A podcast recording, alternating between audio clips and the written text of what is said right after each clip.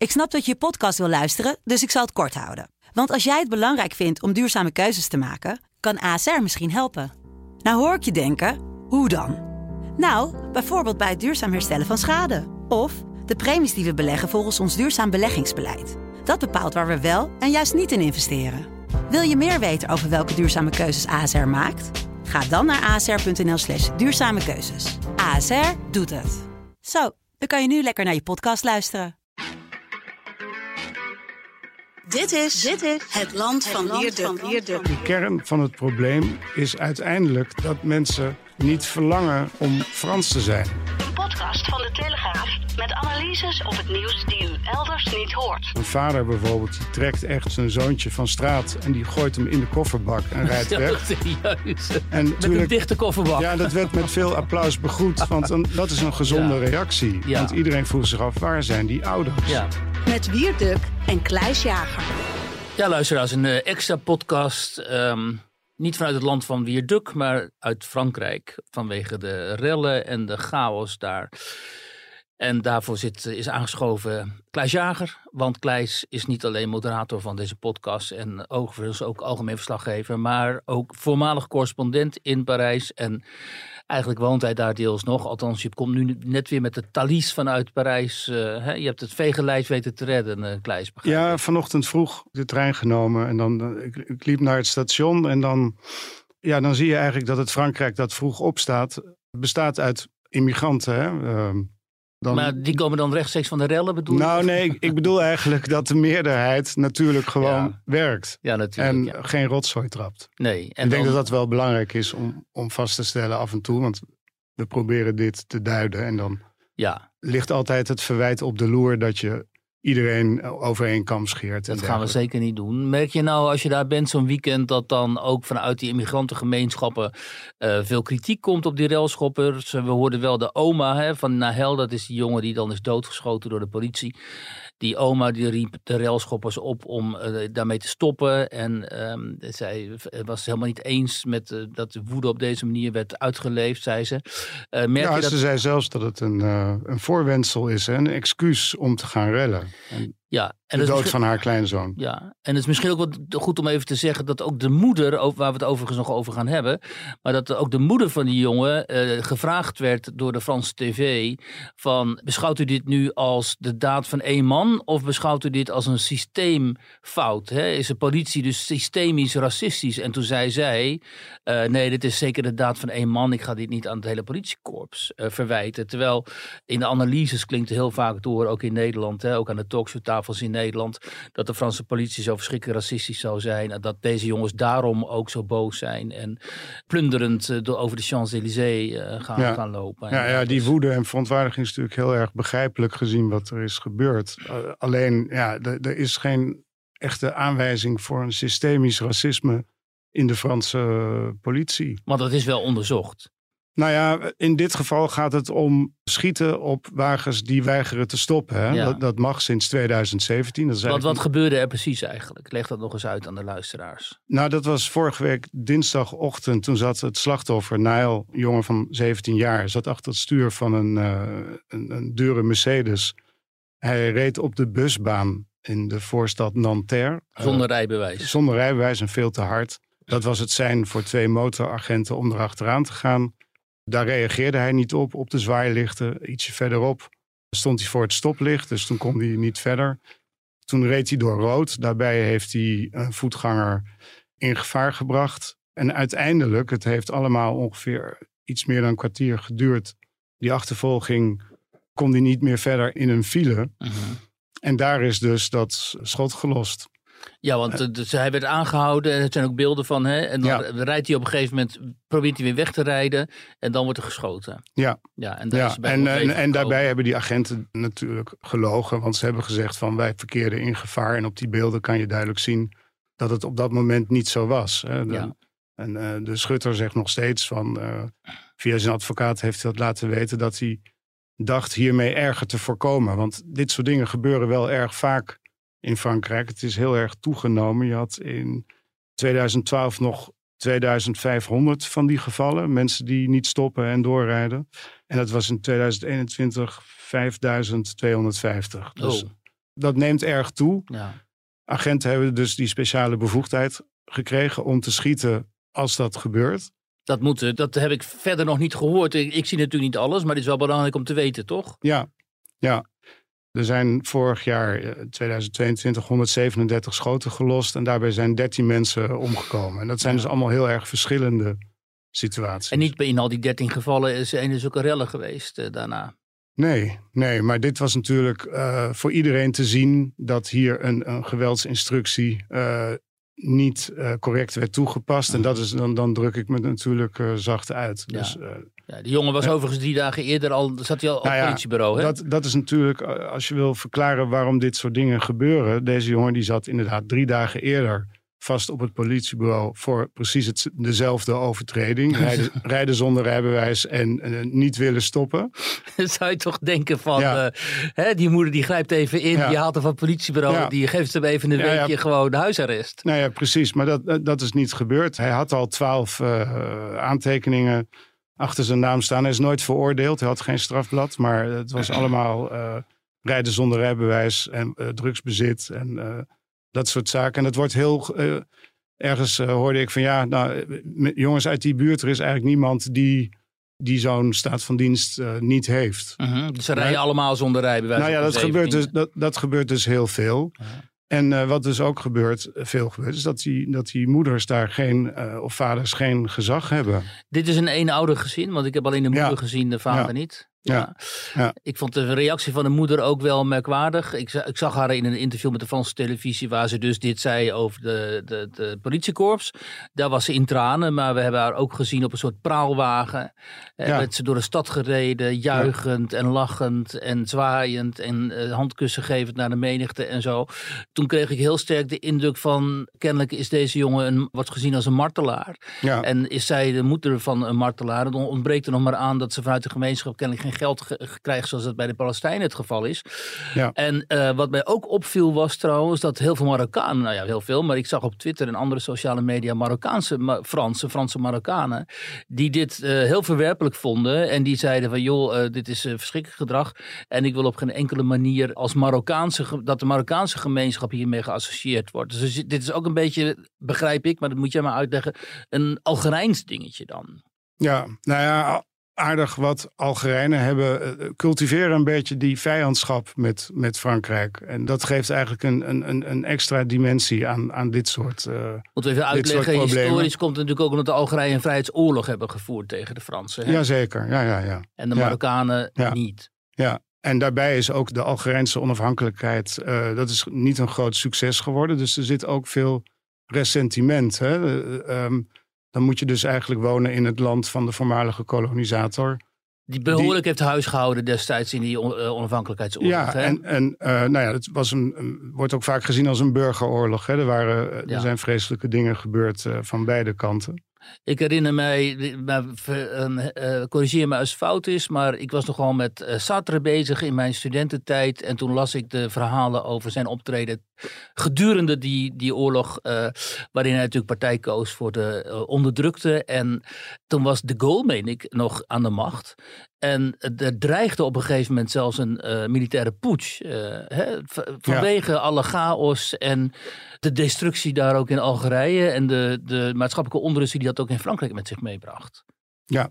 Dus dit heeft een hele specifieke geschiedenis. Een andere dan die van de, de Marokkaanse decolonisering en van de overzeese gebieden. Eh, hè, Ja. Dus deze mensen. Ja, dat heeft, de- dus Franse autoriteiten hebben dan nog minder gewicht dan wellicht bij andere groepen. Dus Ja, ja. En je hebt dan nog die groep, die Noir, die Fransen die uit Algerije op een gegeven moment teruggekeerd zijn. Ja, en die, dat werden vaak de buren van Algerijnen. En dat, eh, ja, dat heeft altijd wel voor, voor spanningen gezorgd. Ja, dus het meer ressentiment zou je kunnen concluderen tegen de Franse macht dan bij andere ge- eh, etnische gemeenschappen misschien. Ja, Algerijnen hebben de neiging, veel Algerijnen, om, om Algerije op te hemelen. Hè, om te zeggen dat het een geweldig land is. En Ja. eh, waar zo'n beetje alles gratis te krijgen zou zijn. Dat zijn wat kinderen op school zeggen. Hè, van, eh, Oh ja? ja, eh, mijn oma in Algerije betaalt eh, helemaal niks voor, eh, Oh ja, en hier moet ze heel veel betalen. En hier moet ze heel veel betalen. Nou, en, wat, wat ik mij vooral herinner is dat de Algerijnse overheid op een gegeven moment korte metten maakte met de, met de islamisten daar. En er echt duizenden van die vies was dat geloof ik, hè, over, de, Ja. over de kling hebben gejaagd. Dus ehm, die zouden met dit soort rellen wel raad weten ook, eh, vrees ik. ja, ja, ja. De Al- Algerijnse politie lijkt me geen... eh, Nee.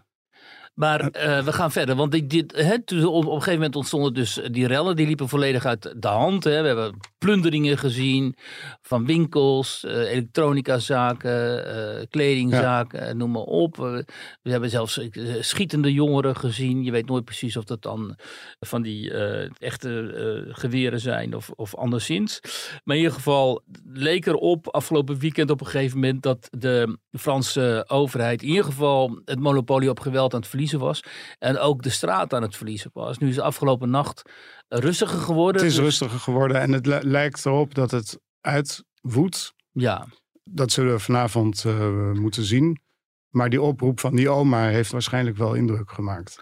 Maar waar hebben we hier nou precies mee te maken? Wel, hebben we nu te maken met weer een incident zoals om de zoveel jaar daar in Frankrijk de kop opsteekt? Dit type geweld en onrust en zo. En dan gaat het weer liggen en dan suddert het weer door in die banlieues. En dan is er weer een of andere aanleiding en dan komen ze allemaal weer naar buiten. Of hebben we hier, eh, zij, is dit de opmaat zoals heel veel mensen zeggen? Nou ja, heel veel, maar zoals sommige mensen zeggen, en die zitten dan meestal aan de rechterkant van het spectrum, is dit een opmaat naar een soort van eh guerre dus een burgeroorlog daar.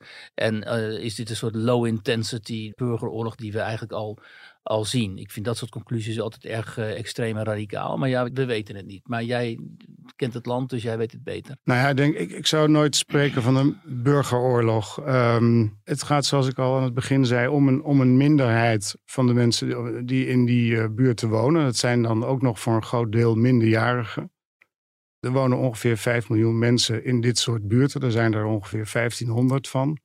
Dus je kunt, en als daar een, een klein deel daarvan dit soort dingen doet, kan je niet spreken van, van een burgeroorlog. Maar wat je natuurlijk wel ziet, is dat er een. eh, sprake is van, van parallele samenlevingen, van, van buurten die zich afkeren, eigen normen en waarden hebben. En ehm, zich afzetten tegen de, de mainstream in het, in het land. En ehm, die normen en waarden, waar worden die dan door bepaald? Is dat dan door de, door de, de Noord-Afrikaanse cultuur, voor, de- voor zover je daarvan kunt spreken? Door de religie, voor zover deze jongeren ook nog een religie aanhangen? Ik hoor ze wel alle, alle oude Akbar schreeuwen, maar ja, je weet natuurlijk nooit Ja, dat zijn, er zijn een aantal, zijn. een aantal willen dat natuurlijk, ehm, proberen zich natuurlijk meester te maken van de situatie en het voor een eh, islamistisch karretje te spannen. Maar ehm, Schrijven de Franse commentatoren dat ook? Ja, ja, ja. Dat, dat, dat zijn er, maar dat, dat, dat waren kleine groepjes binnen deze. Een, een soort subgroep die dat probeert. Maar de overgrote meerderheid van deze relschoppers. die kwam echt om, om te rellen, om te plunderen. Ja, leek niet veel op te hebben met het slachtoffer. Ik bedoel, ja, leg mij maar uit. Waarom zou dit protest een gewelddadig eh, invulling moeten krijgen? Wat, wat is. Toen het Joodse meisje werd verkracht en vermoord. En toen Samuel Paty werd onthoofd. Hè, door dus islamisten. Of in ieder geval eh, mensen van deze religie. Toen eh, waren er geen rellen. En gingen Nee. mensen niet de straat op om de boel kapot te slaan. Nee, dus dan er gaat, een- gaat niemand naar de buurt van die jihadist om. Nee, dus om er is een of- verschil in reactie. ja. En ik denk, en, en daar ben ik natuurlijk niet alleen in. Ik heb dat eh, altijd gehoord van mensen die in die buurten zijn opgegroeid. en daarover na hebben gedacht. Eh, dat heeft eh, niet zozeer te maken met discriminatie, uitsluiting, verwaarlozing. Verwaarlozing al helemaal niet, want er gaan miljarden naar die buurten. Mensen hebben huursubsidie, kinderbijslag, gratis gezondheidszorg, gratis onderwijs, noem maar op. Het is geen verwaarlozing, het is ook geen discriminatie, maar dat wordt altijd maar weer gezegd. Om het denk ik niet te hebben over de, de culturele oorzaken. Hè? Dus die, die, die afkeer van Frankrijk, die eh, altijd eh, onderhuids aanwezig is. En ehm, het feit dat jongens in de Noord-Afrikaanse cultuur ja, op, een, op een voetstuk staan en eh, nooit iets verkeerd doen. Die mag je niet tegenspreken. Nee, en, dan, en, en het is ook heel goed om te zien, want er waren ook video's van een vader bijvoorbeeld, die trekt echt zat zijn zoontje van straat en die gooit hem in de kofferbak en rijdt weg. serieus. En eh, dat is Met een natuurlijk. dichte kofferbak. Ja, dat werd met veel applaus begroet, want dan, dat, dat is een gezonde Ja. reactie. Ja. Want iedereen vroeg zich af, waar zijn die ouders? Ja, waar zijn die vaders vooral? ja, Ja. ja. Waar zijn die? Eh, eh, eh, ehm, nou, eh, als, als alleen de moeder er is, dan, eh, dan is de vader ergens, eh, Anders. ergens anders. Ja. En dan wordt het eh, handhaven van het gezag wordt overgelaten aan de politie. Maar goed, eh, Nou ja, dat is hier in Nederland ook een bekende analyse. Hè? Dat de Ja. eh, Marokkaanse gemeenschap denkt, ja, als die jongens op straat zijn, dan is het niet meer onze dan verantwoordelijkheid. is het niet onze dat is verantwoordelijkheid. verantwoordelijkheid van de politie Ja. en van, van het onderwijs en personeel. Ja. Maar ja, als je met op een gegeven moment met een mes voor je onderwijzer gaat staan of voor je leraar, dan denkt die leraar natuurlijk ook van, eh, kun jij je kind niet gaan opvoeden voordat hij mijn mes op de keel zet. Ja, maar, je hebt, maar er is ook een affectieve kant aan dit verhaal. Eh, ehm, ik heb een tijdje geleden een interview gehad met Claire Koch. Ja, Dat is een, eh, een Française van Turkse afkomst die een, een Franse naam heeft aangenomen om te benadrukken hoezeer zij van het land houdt ook. En Franse voornaam. Ja, een Franse voornaam. En dat heeft haar ongelooflijk veel eh, ellende opgeleverd. Ja, dat kan me voorstellen. Eh, ja, ja, maar zij zegt van ja, het, de, de kern van het probleem is uiteindelijk dat mensen niet verlangen om Frans te zijn. Het verlangen om Frans te zijn en een samenleving te willen vormen. Als dat er niet is, dan krijg je dat hele idee dat je er niet bij hoort. Nee, ze trekken zich dus terug in de eigen tribale gemeenschap. Ja. En hoe ehm, begrijpt zij dat dan? Hoe analyseert zij dat dan? Waarom is dat verlangen er niet bij deze mensen om deel uit te maken van de Franse eh, gemeenschap en, eh, van, hè, en trouw te zijn aan de principes van de republiek? Nou ja, zij zegt eigenlijk van dat, dat, dat verlangen ontbreekt. Het is er niet. Uh, zij zij heeft- het zelf altijd gehad. Zij heeft het zelf altijd gehad. Zij Ja, heeft maar zij zijn intellectueel. Ja, maar je moet daar natuurlijk ook. eh, je moet op zijn minst het belangrijk vinden dat je kinderen hun best doen op school. Hè? Ik heb ook gesproken met een, ehm, een Turks-Franse socioloog. Die heet Tariq Yildiz. Mhm. Hij zegt van ja, wij, ik ben opgegroeid in zo'n eh, heel erg beroerde flat eh, met acht, eh, acht broertjes en zusjes. Uh, mijn vader was arbeidsongeschikt, dus we waren waarschijnlijk de armste familie van de hele flat. Maar iedereen is heel erg goed terechtgekomen. Ja, hoe komt dat? Omdat die ouders tegen die kinderen zeiden van je doet je best. Ja. ja, en de En- kinderen hadden ook de intellectuele mogelijkheden om, Ja. hè, om, om Ja, te klimmen ja natuurlijk. sociaal. Ja, Ja. ja. maar je kunt Ja. wat. Kijk, ik heb hem toen ook gevraagd van. eh, ja, maar het kan toch heel erg moeilijk zijn als je daar opgroeit en je hebt geen enkel goed voorbeeld Ja. om je heen. Wat, wat moet je dan? En toen zei hij van ja, maar dat heeft helemaal. Dat is inderdaad een probleem, maar dat heeft alles met culturele armoede te maken en niets met achterstelling. Hè, want de, de Franse staat zorgt overal voor. Ik, ehm, Of, of, of, of heeft in ieder geval de voorwaarden voor elkaar. Ja. Ik heb een persoonlijk voorbeeld. Eh, toen ik een jaar of 17 was of zo, leerde ik een eh, Frans meisje kennen. Kreeg daar een, al op jonge leeftijd dus een eh, relatie mee. En die woonde in uh, Van jou ook wel bekend. Dat is een voorstad. Ja, hè? in Zo- Lyon, Ja, ja. zo'n satellietstad bij Lyon. En dat was dus destijds, want ik ben heel, heel oud, was dat Ja. dus een, een, eigenlijk een schitterend opgetuigde Phoenixwijk. Hè? Ja. Met van die hoge flats, alles nieuw. En een enorme eh, supermarkt, zo'n mall, weet je wel. Met al die winkels. want Dat was voor mij nieuw, was heel Amerikaans. Hè? Ben je nog wel eens terug geweest? Nou ja, wacht even, ga ik je zo vertellen. En zij zat er dus op een hele goede school, Hmm. een heel goed lyceum. Haar moeder werkte daar in de plaatselijke huisartsenpost. Haar vader was arbeider natuurlijk, gewoon in de, Hmm. in de fabriek. Die waren sociaal geklommen. Die hadden daar een appartement gekocht met vier kamers. Of eh, Ja. ja. drie slaapkamers, één woonkamer. Moeder kwam tussen de middag naar huis en dan ging ze steekfriet maken voor het hele gezin. En zo, je kent het wel. Dus een Hmm. keurig Frans arbeidersgezin met kinderen die sociaal aan het klimmen waren. Die ex van mij is later notabene erg burgemeester geworden.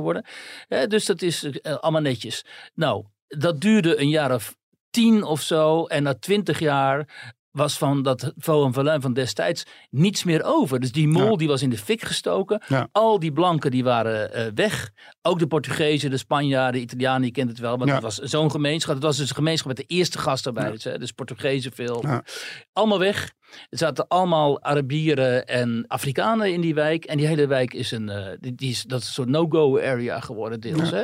En toen die eerste rellen een aantal jaren geleden ontstonden, begon het dus ook daar. Dus, ja, Van Velin was um, de allereerste banlieue-rellen uh, in de geschiedenis vonden daar plaats. Begin, daar. begin jaren tachtig begon het daar. Moet je je voorstellen, en toen, toen dacht ik, hoe kan dit? Zo'n keurige wijk eigenlijk. Ja. Hè? Dus het gaat ook... Het heeft ook te maken met het onderhoud van zo'n wijk door de mensen zelf, door de bewoners. Ja, daar. natuurlijk. Ja. En wat jij zo noemt, die culturele armoede, of wat uh, die Tariq dan culturele armoede noemt, dat is natuurlijk ook dat. Als je geen oog hebt voor, je eigen, voor je eigen wijk en je daar niet om wil bekommeren. Natuurlijk zijn er altijd mensen die zich Ja. wel om bekommeren. hè. Maar als Ja. je daar niet om wil bekommeren en je hebt ook nog eens een keer het gevoel ook dat je die overheid tegen je hebt, wat het ten dele waar is, denk ik. Ja, dan ga je natuurlijk die verelend doen. Die vindt dan heel snel plaats, eh, kennelijk. Tot en met het in de fik steken van de lokale supermarkt. Hè? Maar wa- wa- waarom denk je dat ehm, de overheid ook tegen ze is? Waarom Nee, dat, dat zeg ik. Ja. Dat, dat denken zij. Ik geloof Ja. helemaal niet. Zeker die in die commune, de, die lokale communes, geloof ik helemaal niet. Dat Die, oh, de, de overheid probeert juist in alles om deze mensen te bereiken. Bovendien, Ja, dat- in die overheid zitten ook mensen uit hun eigen gemeenschappen. Net Ja, als ja, heel veel. Nederland. Kijk, eh, de- dat discriminatieverhaal. ehm, ik denk echt dat het een, een mythe is, omdat je. Je ziet het gewoon om je heen. Je ziet over eh, Frankrijk. Ik, eh, ken geen veel kleuriger land dan Frankrijk, denk ik. En op je dit moment, ja. Ja, en je ziet eh, overal mensen. Als je op La Défense rond lunchtijd bent, de zakenwijk van Parijs, dan zie je mensen van kleur in pakken, ja. in overalls. Je ziet ze overal aan het werk. En werkgevers zijn altijd de eerste die vragen om verruiming, om meer immi- immigranten, om ze aan het werk te kunnen zetten. Dus ik vraag me echt af waar dat verhaal over discriminatie Nou ja, vandaan komt. En het is leuk om te vertellen, die Tariq uh, Yildiz, die heeft het gevraagd aan 100 islamitische jongeren in Frankrijk, die met een, met een strafblad. En hij heeft ze gevraagd van, ben je nou eigenlijk ooit gediscrimineerd? En dan komen ze eigenlijk altijd met een verhaal van horen zeggen van ja, ik heb het zelf nooit meegemaakt, maar in mijn familie dit en een oom Ja. die. En het verhaal een eigen leven gaan leiden dat je met de verkeerde achternaam, dat het dan nooit wat wordt met je Nou, dan wil ik toch dat- even terugkomen dan op in Nederland. Eh, jij deelde inderdaad het verhaal van die eh, Claire eh Koch. ja, En eh, prompt reageert dan natuurlijk de zuster des vaderlands, die Emine Oer, die in jouw oude krant in Trouw een column heeft met een enorm draadje, want dat doet ze van die ja, draadjes op Twitter, tientallen tweets en zo. Reageerde daarop en die begon natuurlijk weer over dat dit allemaal terug te voeren is op miskenning, racisme. ja, Mensen denk, willen deel, wel deel uitmaken Ja. van onze samenleving, maar ze worden door die samenlevingen ja, niet ja, dat is geaccepteerd. echt onzin, want ik denk dat zij aanvalt op dat verhaal van Claire Koch, omdat het haar visie ondermijnt. Haar verhaal wordt onderuit gehaald door mensen uit die gemeenschappen zelf die dit zeggen. Nou ja, wat mij altijd verbaast aan dit soort analyses is dat zij dus nooit kijken naar wat nou hun eigen positie is. Want kijk, in Nederland is het zo, als jij vroeger in overtuiging en in misschien ook wel uiterlijk, eh, hè, op zondag dan, een orthodox christen was. Dan sloot jij jezelf min of meer buiten die dominante samenleving. En je werd enorm belachelijk gemaakt door bijvoorbeeld de VPRO en de Volkskrant. Ja, eigenlijk door de hele mainstream media. Die moesten helemaal niks hebben van die SGP, de EO en zo. In het begin werd het volstrekt belachelijk gemaakt. Dus die mensen die, die sloten zichzelf op in hun eigen gemeenschap. Maar ze werden ook buitengesloten door wat destijds de dominante samenleving was. Nu ben jij een moslima met en zo'n echt zo'n hele, eh, zoals deze vrouw, met zo'n hele duidelijke hoofddoek. Hè, die straalt uit van luister, ik ben een hele gelovige moslima, want anders steekt die hoofddoek ook wel wat losser op. En je schrijft permanent over je eigen ervaringen als moslima in Nederland. Dat het dan niet bij haar opkomt dat zij daarmee zichzelf ook binnen een bepaalde groep plaatst, die ook nog eens een keer niet echt een traditie heeft in Nederland. Hè, dan zeggen, mensen zeggen altijd wel, ja, Frans Timmermans en zo, zeggen, nee, de, Nederland, hè, de islam is al honderden jaren deel van Nederland, want kijk naar Indonesië en zo, die zijn ook allemaal islamitisch en zo. Maar dat is natuurlijk allemaal flauwekul. De islam is binnengekomen met de gastarbeiders, dus daar komt het op neer. Dus dat is een voor ons nog altijd een relatief nieuwe eh, eh, eh, religie, die zich ook pas de afgelopen jaren heel duidelijk assertief heeft opgesteld, zoals deze vrouw ook doet. En je ziet ook eh, duidelijk de islamisering van de allochtone gemeenschappen. Dat mensen daarover nadenken. En dat mensen denken van, oh, hoe problematisch is dat eigenlijk? Dat lijkt me niet meer dan normaal. En als mensen vragen, zich afvragen, waar ligt nou precies jouw loyaliteit dan? Hè? Want als Marokko bij het WK uh, wedstrijden wint, dan gaan Marokkanen allemaal de straat op zwaaien met de Marokkaanse vlag en lopen te rellen. En als Turkije iets wint, dan staan ze allemaal op de Erasmusbrug met de Turkse vlag. Of als Erdogan wint, stemmen ze ja. Hè? Dus waar ligt dan die loyaliteit? Hoe kun jij nou beweren dat je zo krankzinnig je best doet om loyaal te zijn aan Nederland, terwijl zoveel mensen uit jouw gemeenschap laten zien dat die loyaliteit toch in de eerste plaats bij het land van hun uh, voorouders uh, ligt? Dan is het toch logisch dat die vraag uh, zich opdringt. En als, maar zodra die vraag wordt gesteld, is dat een racistische vraag. Hè? Ja, en, ja. Dus je hebt er niks aan. aan. Dit zijn verwijtende posities waar onze samenleving verder ook niks aan heeft. Terwijl deze mensen doen alsof ze heel verbindend zijn juist. Hè, naar de dominante samenleving toe. Dus die Claire ja. Koorts, ik snap ook wel wat uh, Claire Koorts zegt daar trouwens. Maar misschien overvraagt zij daarmee de wat minder intellectueel begenadigde kinderen uit die gemeenschappen. Die ja. natuurlijk geen idee hebben van de republiek en die gedeelde waarden en zo. Want die groeien volledig daarbuiten op in parallele gemeenschappen of samenlevingen. Ja, ja. Dus Ja. hoe ga je die wel, eh, hè, hoe ontkom je aan de giftige Emmines van deze wereld, die jou alleen maar schuld zitten aan te praten, terwijl die schuld is oneigenlijk, want de dominante samenleving doet niks anders dan de hand uitsteken. Hoe ontkom je daaraan? En tegelijkertijd, hoe bereik je deze jongens, hè, zodat ze wel op een gegeven moment bij La, La Défense eh, zitten te lunchen in een pak en genieten van een normaal salaris, in plaats van... eh, Dat is natuurlijk heel lastig. Maar ik denk wel dat ze gelijk heeft dat het zonder, zonder affectieve band, zonder een gevoel dat je houdt van het land waarin je woont, dat het dan niet gaat. Dan, dan is het alleen maar wonen met je hele hebben en houden en je eigen normen en waarden in een ja, eigenlijk vreemde omgeving. Ja, ik zit erover na te denken, want ik heb natuurlijk ook heel lang in het buitenland. Nou, ja, jij woont zelf Ja. ongeveer in Frankrijk. Van jou wordt ook niet verlangd in Frankrijk dat jij helemaal assimileert en dat jij, Nee. hè, Nee, dat, jij juicht niet. als het vooral als het tricot zo hele bleu ik wel. Maar, Oh, nou, ja. niet. Bij het laatste WK. eh, Was je van Frankrijk? Ja, ja, oké. Ik heb al jaren, sinds 2001, een band met Duitsland. Want ik heb er lang Ja. gewoond. Mijn dochter is er opgegroeid. Haar moeder woont er nog steeds. Ik kom er veel. Ik heb die hele ontwikkeling van het Duitse voetbal en zo meegemaakt. Op een gegeven moment ben ik heel veel sympathie gaan voelen voor het Duitse voetbal. En tegenwoordig ben ik ook al als een van de eh, tien Nederlanders, geloof ik, of dertien. Favoriseer het Duitse elftal als ze op een WK zijn. Maar ik zal hen natuurlijk nooit prefereren boven Oranje.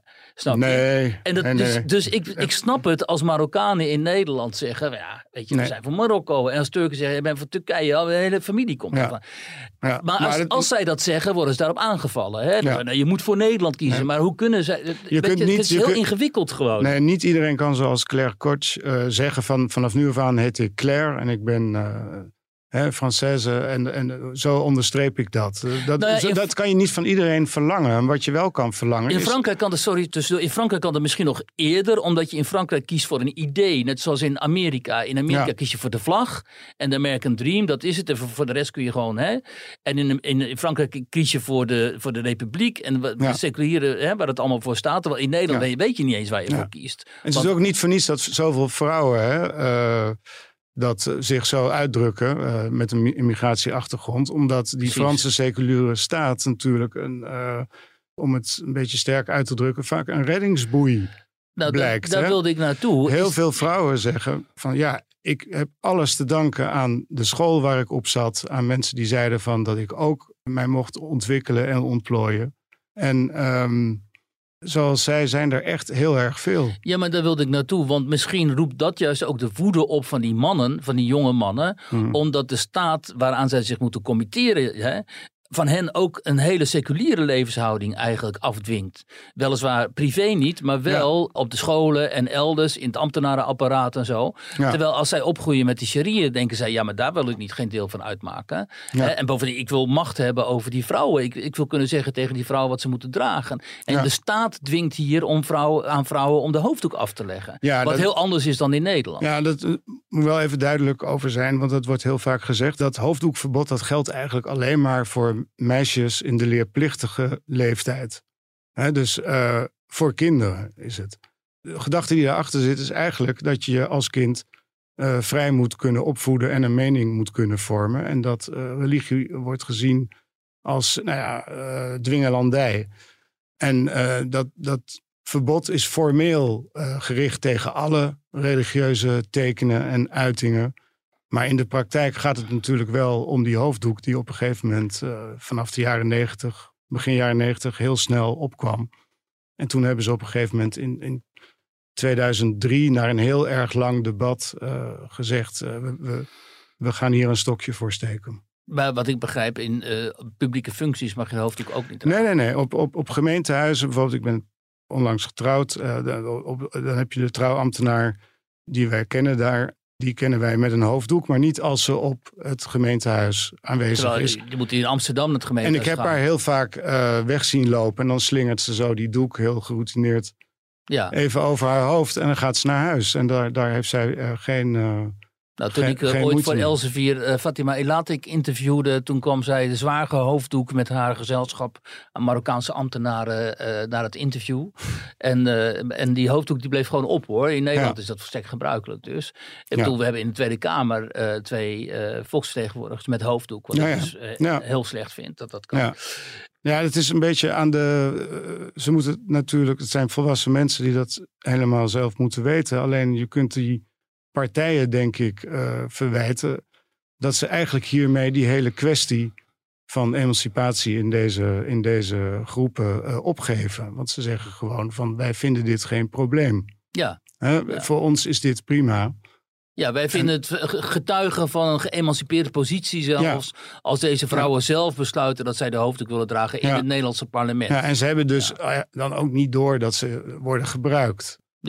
Nou ja, dat, dan zullen Ja. zij zeggen, waar bemoei jij je mee? Je bent Ja. een witte, witte man, je bent Ja, een moslim, en dus ze hoe weet beginnen jij dat? En ze beginnen altijd over eh, eh, eh, Frans verlichtingsfundamentalisme. Nou, ik Ja. heb het een tijdje geleden gevraagd aan een, aan een vriendin van ons, een, een moeder van een van de vriendjes van onze kinderen, die een hoofddoek draagt. Ik heb, zij komt uit een heel moeilijke buurt. Woont nu dus wat beter.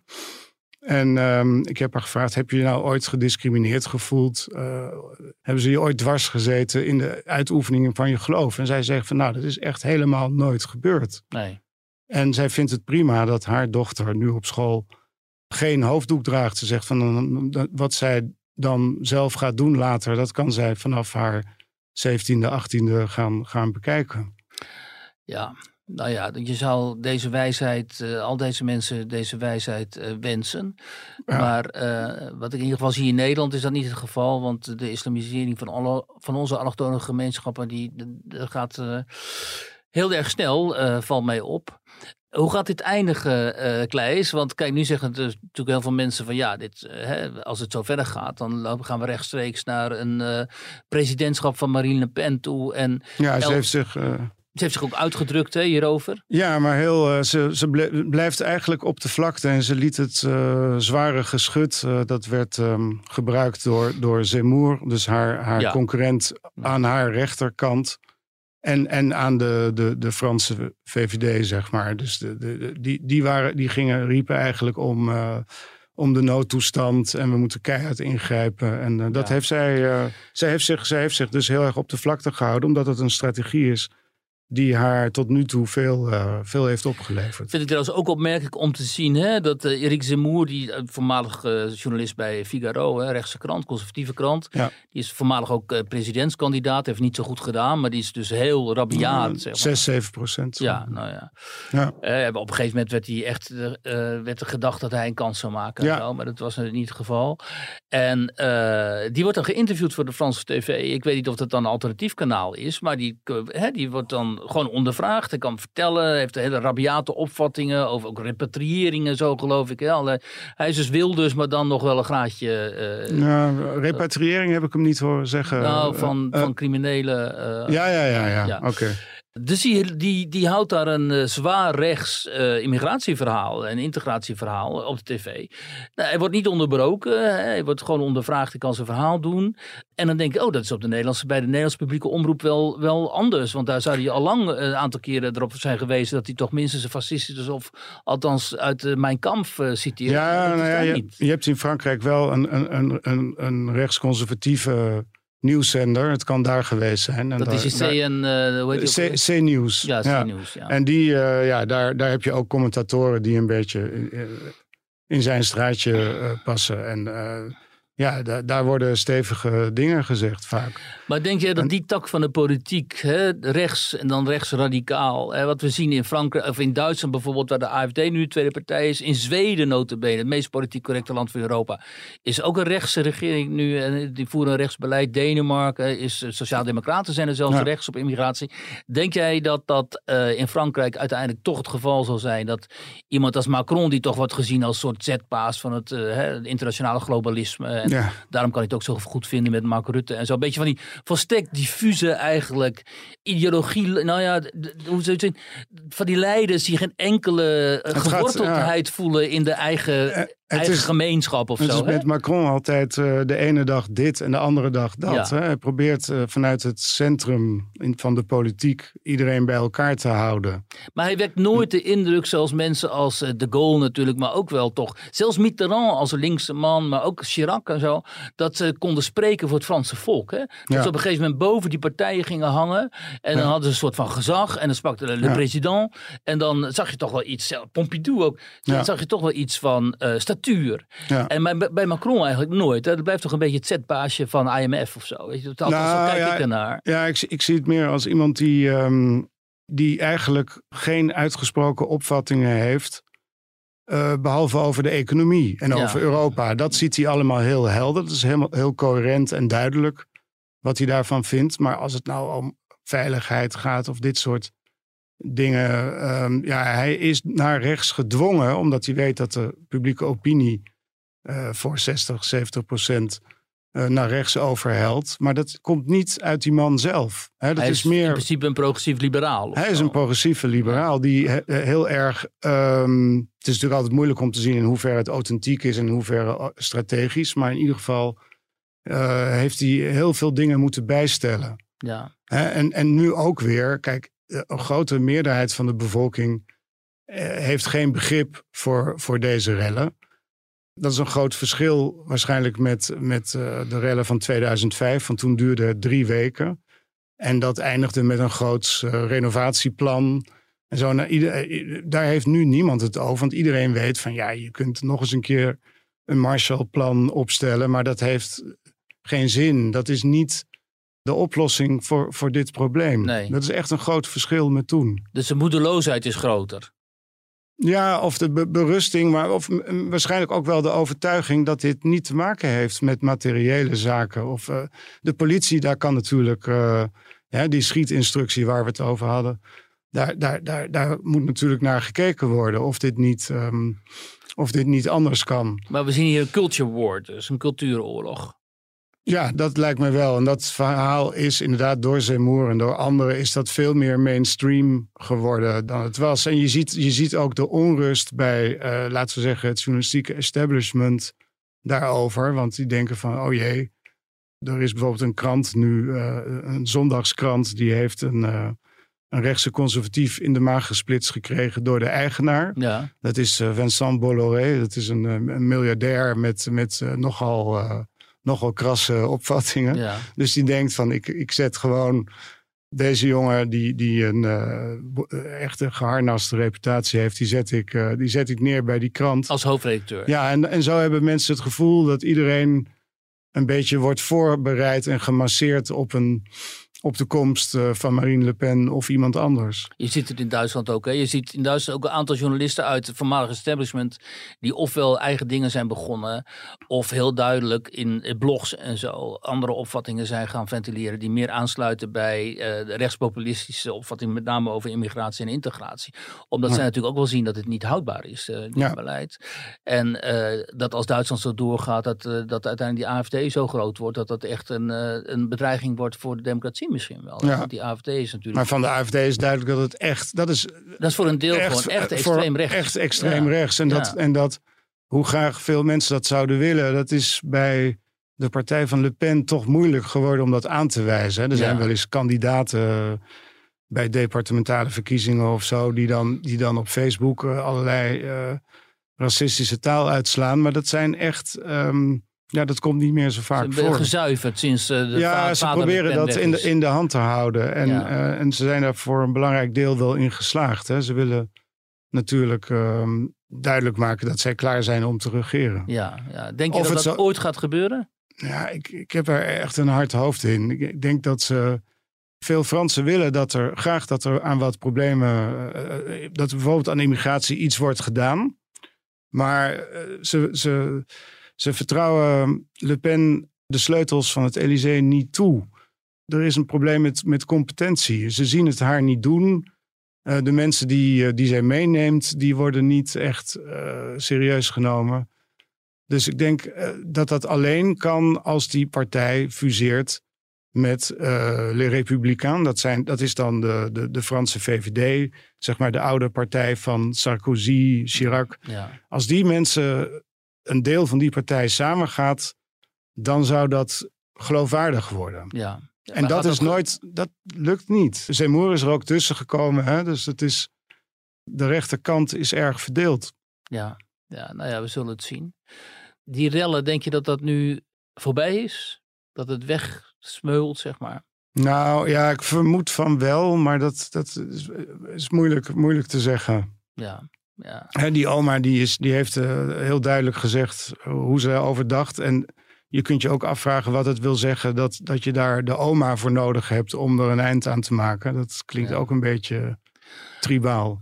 Als laatste vraag is dan, dan dat, dat oude Frankrijk, hè, dat wij kenden en waar je doorheen reed en waar je vakantie vierde en zo. En wat een hele duidelijke sfeer had, een hele duidelijke cultuur en geschiedenis. Bestaat dat nog? Waar kunnen mensen dat nog vinden?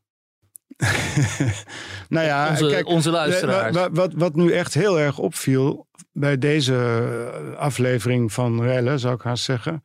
Dat is dat het ook gebeurde in hele kleine eh, gemeenten in de provincie. Want eigenlijk is dat model van eh, achterstandswijken is eigenlijk over het hele land verspreid. ja. En is er bijna geen regio meer of, of hoek van het land waar je, waar je dat niet hebt.